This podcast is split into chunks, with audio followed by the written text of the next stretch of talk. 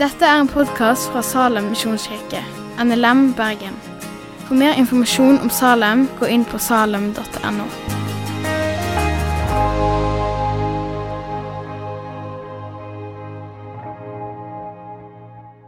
Vi har alle vært et barn en gang, meg sjøl inkludert. Tro det eller ei. Jeg har min oppvekst i Telemark sammen med min søster. Dra deg sjøl med i tanken ditt tilbake til din barndom. Kanskje bodde du på Vestlandet, og det regna. Og du var ute, da hadde regnklær på deg. Jeg holder øynene igjen fordi jeg tenker ikke, så du også gjør det samme. Eh, enten så hadde det regna, eller så regna det. Og du ble full i dritt helt opp til halsen. Øynene kunne åpnes igjen, så det var bare for å ta deg tilbake igjen til det. Og så er du såpass ung at du er ikke så langt vekk fra huset at du ikke hører når mamma eller pappa roper på deg og sier nå må du komme inn når det er fredagsmiddag, taco eller pizza eller torsk. Det som du spiste på fredagskveldene dine. Så springer du inn da og kommer inn, kanskje barne-TV. Og så sier du nei, du kan ikke komme inn sånn som du er nå. Du er så skitten du er. Må vaske deg. Kanskje de spylte deg med hageslangen, tok av deg klærne, tok på deg nye klær. Når jeg satt og forberedte meg, så tenkte jeg jeg har så mange gode minner fra min, min barndom. Derfor kommer det ofte fram i forkynnelsen. Vi skal lese en tekst i dag som ikke handler om sølepytter, men som handler om en annen type urenhet. Noe som er skittent. Vi som kristne, vi som mennesker, er òg skitne, ureine på en eller annen måte. Og på samme måte som denne historien som vi var en del av, så blir vi òg invitert inn av noen.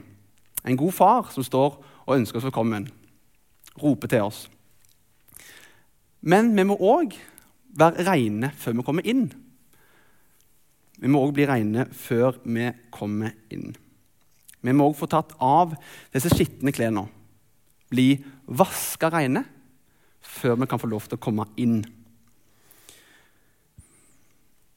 Når vi døper barna våre, så har de på seg sånn dåpskjole som er hvit. Det skal være med å symbolisere disse nye klærne den nye starten.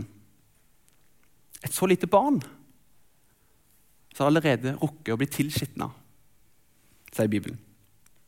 Men i dåpen så sier Romerne 6, Paulus i Romerne 6 at vi blir begravet med Kristus og oppreist med Kristus. Og Så sier Bibelen igjen og igjen at vi blir kalt for Guds hellige. Gud som er der oppe, kanskje det er diffust for deg, eh, men heng med meg hvis det er det. Han som er der oppe, hellig, ren, adskillig. Vi blir kalt for Guds hellige. Vi får Den hellige ånd. Ok, Så vi som var skitne, i Jesus blir vi hellige, sier Bibelen. Og Med det skal vi lese dagens tekst. Det var lang intro. Fra Markus kapittel 7, eh, vers, eh, kapittel 7, vers 14-23. Og Vi leser Jesu navn. og For de som har briller, så følg med. Jeg var veldig viktig for meg å få det på én slide. Så får dere på fremste benk dere får eh, sitere bakover i radene. Eh, og Vi leser Jesu navn, ja. Han kalte igjen til seg, eh, folk igjen til seg og sa.: Hør på meg, alle, og forstå. Ikke noe av det som kommer inn i mennesket utenifra, kan gjøre det ureint. Nei, det er det som går ut fra mennesket, som gjør mennesket ureint. Om noen har ører å høre med, så hør. Da han var kommet innendørs, bort fra mengden, spurte disiplene han om denne lignelsen. Forstår ikke dere heller noe, sa han. Skjønner dere ikke at ingenting som kommer inn i mennesket utenifra, kan gjøre det ureint? Det kommer jo ikke inn i hjertet, men bare ned i magen og ut dit det skal. Dermed slo han fast at all mat er rein. Og han la til det som går ut fra mennesket, det gjør mennesket ureint. For innenfra, fra menneskehjertet, kommer de onde tankene. Hor, tyveri, mord, ekteskapsbrudd, grådighet, ondskap, svik, utskeielser, misunnelige øyne, spott, hovmod, vettløshet. alt dette kommer innenfra og gjør mennesket ureint. La oss be. Herre, vi takker deg for Bibelen. Vi takker deg for ditt ord. Det som er rent, det som er hellig. Herre, du er rein, du er hellig. Herre, vi ber om at du ved ditt ord og gjennom ditt ord helliger oss, Herre. Vi ber igjen om at du reiser deg opp fra disse bokstavene, disse ordene, og blir stor for oss, Jesus. Og Vi ber om at du ved Den hellige ånd at du kan male evangeliet framfor oss på en sånn måte at det blir oss til håp, til fred og til frelse. For ditt navns skyld vi ber. Amen. Vi er en taleserie gjennom Markusevangeliet. Det er ikke mer komplisert enn at vi bare tar kapittel for kapittel. Så leser gjennom, så tar vi et avsnitt, og så går vi videre. Og Markusevangeliet For noen av dere har dere funnet ut av det at det er en heter Markus som har skrevet det. Han sitter rundt en mannsalder etter Jesu fødsel. Sitter han i Italia. I Roma, en fantastisk tradisjonell og fin by. Men han sitter ikke fredfull i en park og skriver et flott essay, men han sitter under sterk forfølgelse og skriver en sammenfatning av Jesus sitt liv. Jeg hørte forrige helg at Mathias sa at han som keiser, keiser Nero, ble rangert som den tredje verste mennesket som har levd på denne jorda. Etter Hitler og Stalin. Og keiser Nero Kanskje Markus sitter og skriver dette, denne boka, dette evangeliet. Og Kanskje noen av hans trossøsken, noen av hans disipler, kanskje de har blitt tatt med av keiser Nero blitt brukt som levende fakler, som keiser Nero brukte de kristne som i festene sine. Som levende fakler. Det er helt forferdelig å tenke på. Det er kanskje en grunn til han kom på pallen. Så det var Markusevangeliet. Og så langt som vi kommet helt til kapittel 7 i Markus. Jeg skal ikke ta hele regler, men Jesus han begynner sitt virke. Han forkynner at Guds rike er opp nær. Omvend dere og tro evangeliet.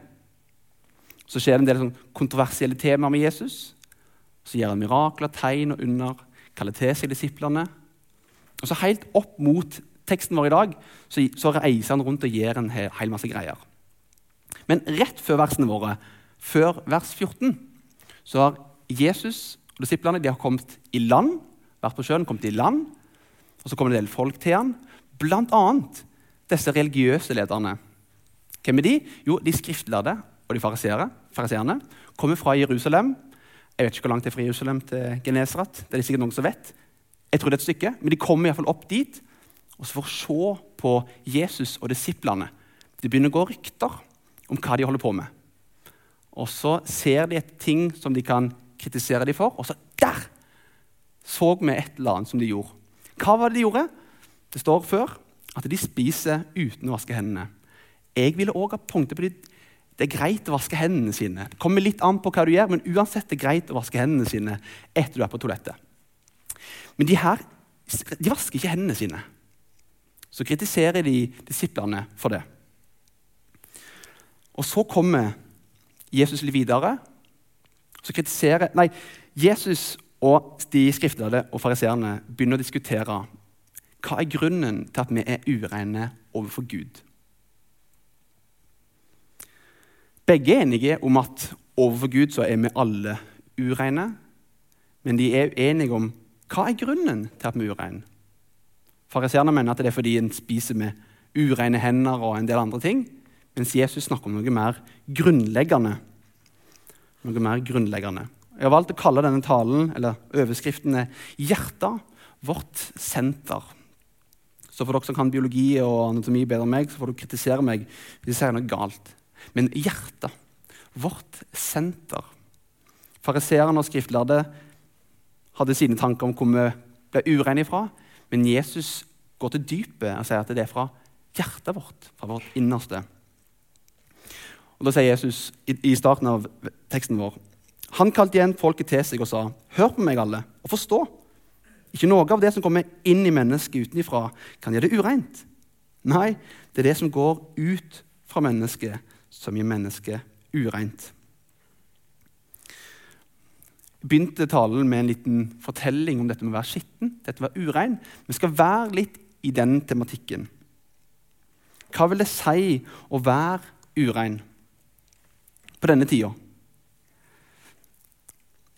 For Jesus og de religiøse lederne var uenige om hva var grunnen til at den er urein.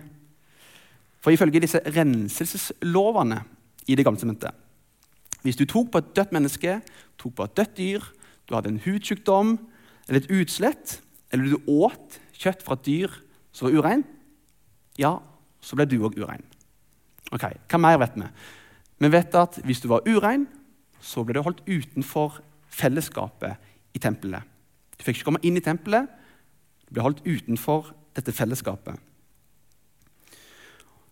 Og Der vi leser om dette i Det gamle testamentet, blir vi òg introdusert for tematikken og tanken om at Gud han er hellig.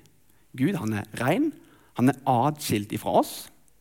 Og For at vi skal komme i nærheten av han, så må vi òg være rene. Vi må være hellige. For den som er urein, er ikke skikka for å komme fram i Guds nærvær, eller inn i helligdommen. Ok, hvordan kan dette være egentlig? Hvis du skal møte en viktig person, eller f.eks. du skal på gudstjeneste i Salem, eller du skal på en viktig date, eller du skal på et stort jobbintervju som du veldig gjerne vil ha, hva gjør du da? Du tar deg en dusj. Du pusser tennene. Du fikser deg litt på håret. Men hvorfor gjør du dette? Liksom praktisk gjør det, Du fjerner jo dritt. Du fjerner fett på kroppen, svette på kroppen. Ting som er i tennene, fjerner du. Hvorfor det? For du vil ikke komme til et jobbintervju eller med date skitten og lukte fælt. Du vil gi et godt førsteinntrykk. Renselsesbudene er litt på samme måte. Med mindre du var rein, så kunne du ikke komme i nærheten av denne perfekte og hellige guden. Så Jesus og de religiøse lederne er enige om at overfor Gud så er vi alle ureine.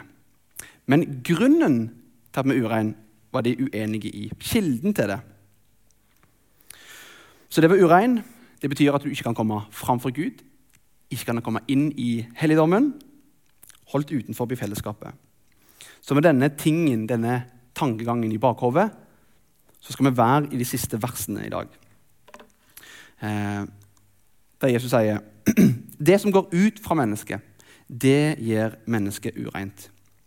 For innenfra, fra menneskehjertet, kommer de onde tankene. Hor, tyveri, mord, ekteskapsbrudd, grådighet, ondskap, svik, utskeielser, misunnelige øyne, spott, hovmod, vettløshet. Alt dette det kommer innenfra og gjør mennesket ureint. Så hjertet vårt, folkens, det er vårt senter. Det er sentrum i våre liv. Det er basen vår. Det er navet i livet. Disse fundamentale verdiene som har, ligger der. Kontrollsenteret for den vi er. For det som bor i hjertet, det avgjør hva vi tenker, hva vi gjør, og hva vi føler. Fordi alt er rotfesta der. Ok, Hva belegg har jeg for å si dette? La oss høre på Bibelen. Det er tre konkrete ting. Det første er at Når Bibelen snakker om hjertet, så snakker det om at følelsene kommer derfra. Ikke bare følelsene, men bl.a. følelsene. Som det står i dette blir også lite for dere, men dere ser, jeg skal lese til dere. 3. Mosebok 19 så står det du skal ikke bære hat til din bror i hjertet. Hat er en følelse. Salme 4. Du gir meg større glede i hjertet enn andre får av korn og vin i overflod. Glede, den følelse. Salme 13. Hvor lenge skal jeg ha uro i sjelen og sorg i hjertet hele dagen? Uro og sorg, det er òg følelser. Så når Bibelen snakker om hjertet, så snakker han òg om følelsene kommer derfra. Men ikke bare følelsene. Men fra hjertet vårt kommer òg tankene våre. Det står i ordspråkene 23.: For slik han tenker i sitt indre, slik er han. Jesus sier, 'Hvorfor går dere slik med slike tanker i hjertet?' Så hjertet har en plass der vi tenker, der tankene kommer ifra. Den siste tredje lille tingen er at handlingene våre kommer derfra. Det er ikke bare følelser, ikke bare tanker, men også handlinger. Står forkynneren ti. Den vises hjerte fører på rett vei, men dårens tanke fører galt av sted. Så vi ser at hjertet det er, det er noe sånn grunnleggende, noe, noe nært, sentrumsnært i oss. Følelsene kommer derfra, tankene kommer derfra, og handlingene kommer derfra. Så hvis alt dette kommer ifra hjertet, og Jesus sier at det er det innenfra Det er fra mitt hjerte, det er fra ditt hjerte disse onde tankene, onde gjerningene kommer fra. Så at jeg har stilt meg spørsmålet hva er egentlig galt med denne verden? Hvorfor er verden en ulykkelig plass? Hvorfor har det ikke vært krig nå i snart et år? Dette er bare én av mange kriger. Hvorfor er det strid mellom land og folkegrupper? Hvorfor pulveriseres relasjoner? Hvorfor oppstår krangler? Hvorfor blir det isfronter mellom mennesker? Hvorfor brytes ekteskap? Hvorfor er det så mye ondskap? Hvorfor finnes mobbing? Hvorfor finnes seks-sju gutter som sparker og slår på en gutt som ligger nede, filmer det og ler og legger det ut på nettet? Hvorfor finnes det? Hvorfor finnes det nettroll som sitter og hamrer på tastaturet, men aldri tør å si det face to face? Hvorfor i all verden finnes det? Og En ting som provoserer meg en del, det er som, hvorfor i all verden finnes menneskehandel i 2022? Hvorfor i all verden finnes det? Dette kommer litt så spissformulert ut nå, men Jesus sier at det er vi som er feil. Det er fra våre hjerter dette kommer fra. Det er mitt sjølsentrerte og egoistiske menneskehjerter. Bibelen kaller det for synd. Det er noe som ikke er bra. Det finnes mye flott og bra i verden, men det finnes mye ondskap. Hvor kommer det ifra? Så det er mitt onde hjerte, mitt harde hjerte, som er grunnen til at dette kommer ut i verden. Mitt falske, mitt harde og mitt egoistiske hjerte gjør at verden er full av hat full av hor, tyveri, ondskap, svik og brutte relasjoner. Det er det teksten betyr. Så gitt vår synd og vår sjølsentrerthet, min sjølsentrerthet, så er jeg med og gir denne verden til en ulykkelig og en knust plass. Det er ikke en punktum for talen helt ennå. For det hjertet er fullt av, sier Lukas 6, det sier munnen. Så hvis alt dette forferdelige rundt oss kommer fra våre hjerter Og mitt knuste hjerte er grunnen til at det skjer, så har jeg lyst til å komme med et tankekors. Hvis jeg er på tynn is, så er jeg det. Hvis jeg treffer hjem, så gjør jeg det. Vi sier i dagens samfunn at vi skal følge hjertet vårt. Hjertet ditt. står det her, et sitat fra nettet. If you follow your heart and stay true to yourself, beautiful things will happen. Vi sier dette i dagens samfunn. Følg hjertet ditt. Gi det du har lyst til. Gi det du vil. Men hva er hjertet vårt egentlig fylt av? I lys av det som vi nettopp sa, er det en grunn til at det finnes så mye ondskap i verden. Det er ikke litt forferdelig å si, og det kan være spissformulert, men det liker jeg. Men hvis vi da tenker dette, at alt dette ondskapet kommer fra hjertet vårt, er det ikke da en ganske fæl ting å si If you follow your heart and stay true to yourself, beautiful things will happen. Hm. Det skal være spissformulert igjen. Følg hjertet ditt. Nei, forkast det! For alt i verden, ikke følg ditt hjerte. Jeg vet at ditt hjerte er ganske likt mitt, og det er forferdelig. Kast det vekk. Hva skal du da følge? Følg Guds hjerte. Guds hjerte hans er fylt av godhet, fylt av kjærlighet, fred, overbærenhet, utholdenhet. Alt som det jeg og du ikke er. Sitter du kanskje her og tenker ja, men jeg er ikke så verst. Jeg er jo ikke grunnen til at det er så galt rundt forbi. Ok, Gi meg litt tid til å gi deg en illustrasjon. Tilbake til den. våre syndfulle oppførsel, eller vår syndfulle lengsler eller begjær etter noe, det kan ligne på en brann som kommer ut i stova di. Det har tatt fyr i ei pute på sofaen din. Men du sitter i andre sida av sofaen og tenker Huff, var det ennå godt at ikke hele stua brant ned. Hvis ikke du gjør noe umiddelbart og totalt avgjørende og får den puta til søren vekk, vet du hva som kommer til å skje? Flammer har en sånn art at det bare sluker alt rundt.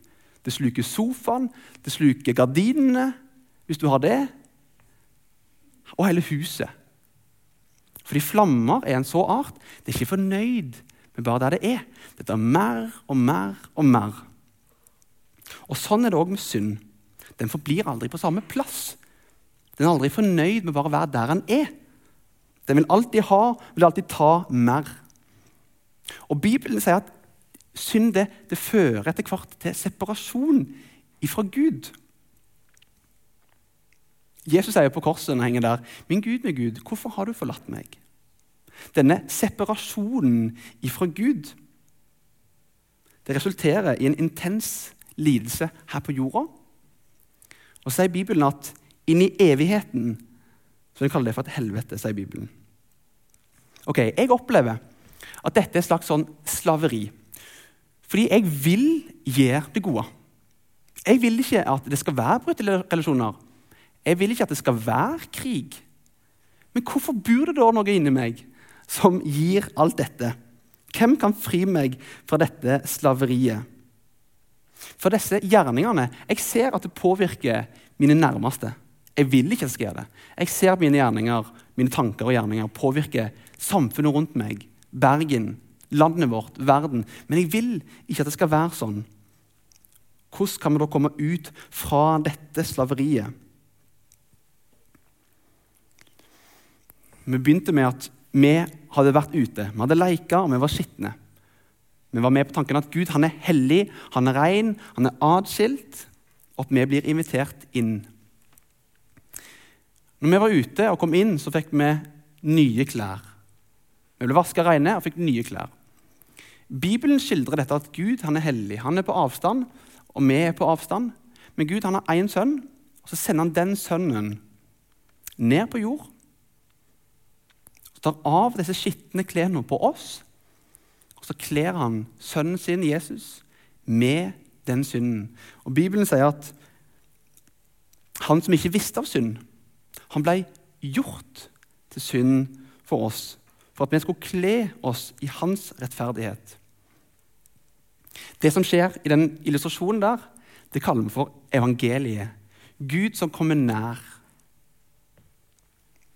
evangeliet om Jesus som, som kommer og gir sitt liv for oss, tar på seg vår skyld.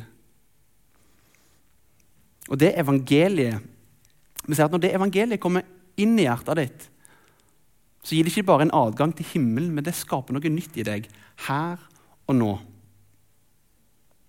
I Roman 10 så står det at hvis du med, med din munn bekjenner at Jesus er Herre, og i ditt hjerte tror at Gud har oppreist Han fra det døde, da skal du bli frelst. Da skal du bli berga. Få din plass inn i himmelen.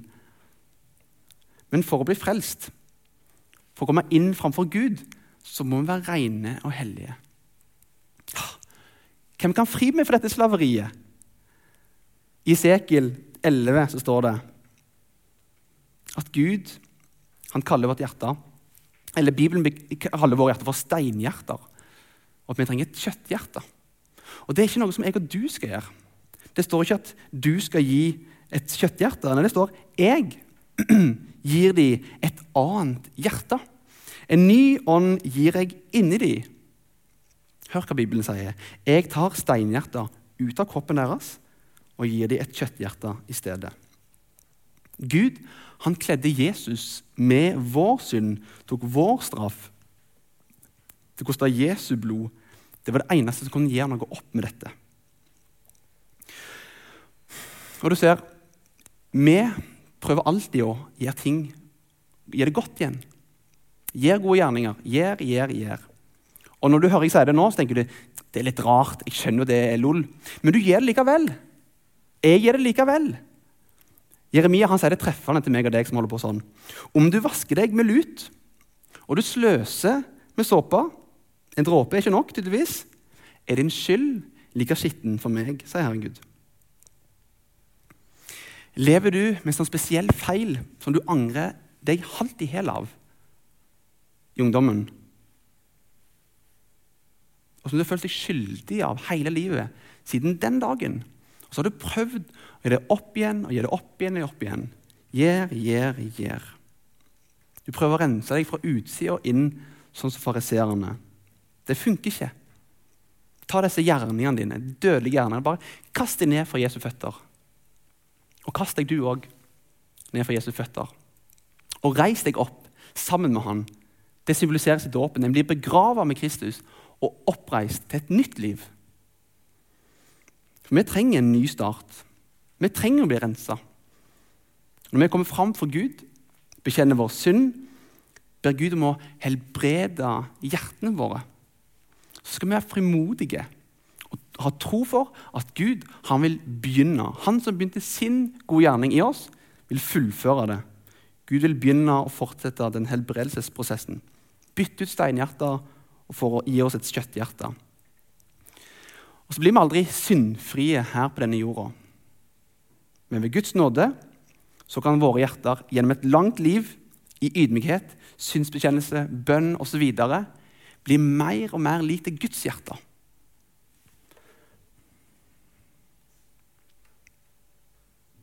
Vi blir begravet med Han og oppreist med Han. Det er et før, og så er det et etter. Det som før var, ja, det er noe nytt nå. Det som før var et steinhjerte, det har Jesus bytta ut med et kjøtthjerte. Takk, Jesus. Vi snakket om at dåpskjolen skal der i morgen, så er derfor jeg kommer på det. En symbol på dette. Det vi skal inn i. Om våre syndere er som purpur, skal de bli hvite som snø. Er du vaska i Jesu blod? Er du urein og trenger å bli rein? Kom til Jesus sånn som du er. La han få lov til å vaske deg. En salme som kom til meg etter jeg fikk lov til å ta Jesus på alvor og følge han fullt og helt, salme 40, en av mine yndlingssalmer, illustrerer litt av dette vi har vært i i dag. Det er et før, og det er et etter. Det står i Salme 40.: Jeg venta og håpa på Herren. Han bøyde seg til meg og hørte mitt rop. Og salmen stopper ikke der. Han drog meg opp av fordervelsens grav, opp av den dype gjørma. Han satte mine føtter på fjell og gjorde skritt og faste. Han la en ny sang i min munn, en lovsang til vår Gud. Den salmen traff meg beinhardt i Sogn når jeg var i Sogndal hadde møteuka. Bare ufattelig hvor stor Guds godhet og nåde er. La Gud få lov til å løfte deg opp fra den gjørma som du står i, og sette dine føtter på stødig fjell. Og Så skal du få lov til å sitte på dette berget. Du ser for deg myra og gjørma. Så sitter du på et fjell sammen med Jesus. Han har dratt deg opp, og du sitter der. Så ser du ja, jeg ser du det gamle livet ditt, hvor du var. Og jeg ser at det, det er en del ting igjen her. Du står ikke i det lenger, men det henger ting igjen. Og så Kom til Jesus og kjenn at Jesus han begynner å vaske deg rein. Det som er igjen. Vaske deg med sitt blod.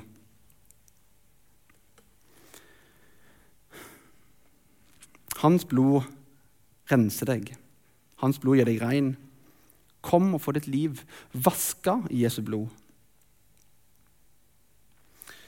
Han dro meg opp av fordervelsens grav, opp av den dype gjørma. Han satte mine føtter på fjell og gjorde skrittene faste. Og han la en ny sang i min munn, en lovsang til vår Gud. Skal vi be. Gode, gode Jesus, vi takker deg for din uendelige godhet. Herre, tilgi oss for våre harde hjerter Herre, må vi få lov til å se mer av hvem du er. Må våre hjerter bli mer og mer lik ditt hjerte. Ditt hjerte som er fylt av fred, kjærlighet overbærenhet, godhet. Jesus, vi ber om mindre av oss og mer av deg. Mindre av oss og mer av deg. Vi ber om at vi må bli små. Jesus ber om at du må bli stor. Takker deg for det evangeliet, at du kom ned til oss. Tok på deg vår skyld. Disse klærne som vi hadde på oss, var, gjorde oss skitne. De tok du på deg. Søkte opp på vårt kors, Herre. Vi priser deg for det. Amen. Takk for at du har hørt på podkasten fra Salem, Bergen. I Salem vil vi vinne, bevare, utruste og sende. Til Guds ære. Vi ønsker å se mennesker finne fellesskap, møte Jesus og bli disippelgjort her i Bergen og i resten av verden. Vil du vite mer om oss, gå inn på salem.no.